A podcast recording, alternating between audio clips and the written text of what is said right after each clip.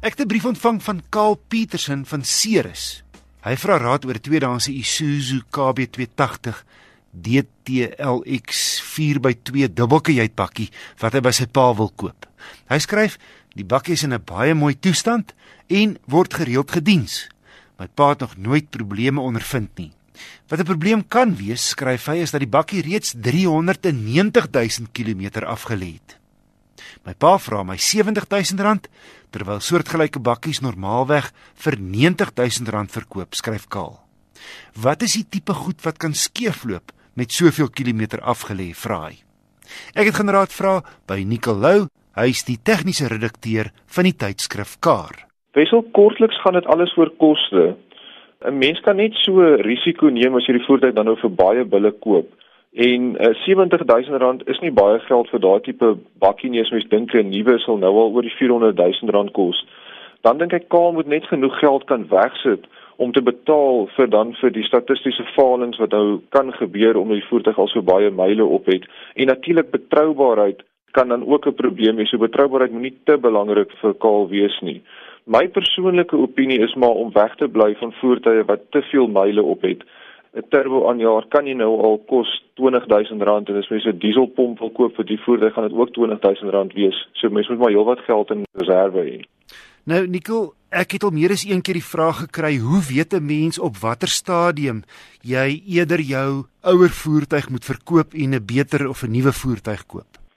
Ja, daar's verskriklik baie faktore wat die betroubaarheid van 'n voertuig beïnvloed, soos natuurlik sy diensgeskiedenis, hoe die voertuig gery is, hoe hy hanteer word, Daai ou sê ding van kyk goed na jou voertuig en hy sal goed na jou kyk is natuurlik baie waar.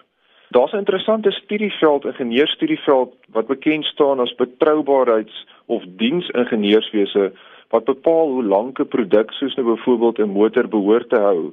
En daar's 'n grafiek wat wat hulle gereeld gebruik en dit staan bekend as die badkurwe grafiek of in Engels die bathtub curve. En wat die grafiek vir jou wys is op sy y-as is die falingstempo en dan op die x-as is dan nou tyd of kilometers uh, afhangende hoe jy daarna kyk. En dan hoe die kurwe werk is as 'n voertuig nuut is, is daar baie keer heelwat falings wat kan gebeur, klein goedjies wat nie reg is nie, komponente wat soos ek sê nog nie goed met mekaar amper gesels nie. En dan kry jy 'n tyd van 'n voertuig se lewe waar die kurwe begin afplat en dan eintlik nou minder falings kry. Maar teen die einde van die lewensduur van die voertuig begin daai kurwe dan nou weer optel uh, soos wat uh, komponente nou verweer en so aan. En dan is jy van die kant af na die kurwe kyk lyk dit nou amper soos 'n bad dan wil ek ook net sê dat elke bewegende komponent in 'n voertuig word ontwerp vir 'n sekere aantal siklusse Dit sluit nou in die wiellaars of of die laars, die bearings reg deur die aandryfstelsel. Mens kyk selfs na jou deurse meganismes wat oopmaak, selfs die knoppies in die kajuit. Elkeen van daai bewegende komponente word ontwerp vir sekere aantal siklusse. Nou, hoe ouer die voertuig is en hoe meer kilometers hy nou al gery het, hoe meer van die siklusse is nou al opgebruik en dan nou statisties is jy dan nou baie nader aan 'n faling as wat jy sou wees as die komponente dan nou nuwer was. So dit moet mense ook net in gedagte hou.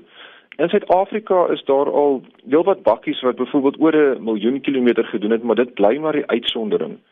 My persoonlike gevoel is is dat jy 'n voertuig, as jy 'n voertuig koop wat al meer as 200 of 250 000 km afgelê het, dan begin jy aan die einde van daai so die badkurwe ehm um, wat ons oor gepraat het, dan beweeg. Wat beteken statisties is daar net baie meer goed wat kan verkeerd gaan en uh, die risiko raak al hoe hoër.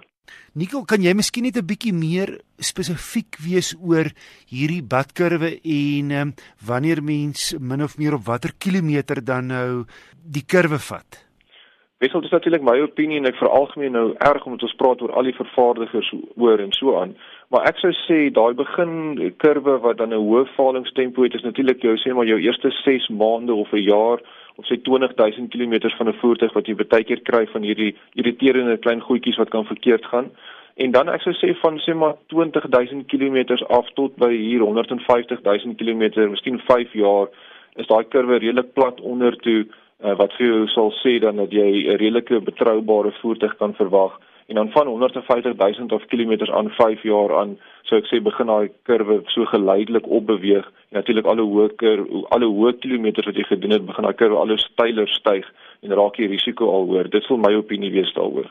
So antwoord Nicolou die tegniese redakteur van Kar My e-posadres indien jy enige motornavrae het wat jy wil aanstuur is wissel@rsg.co.za. Volgende week weer 'n padtoets. Mercedes se GLC Sportnuts wat direk met die BMW X3 en Audi Q5 meeding word bespreek.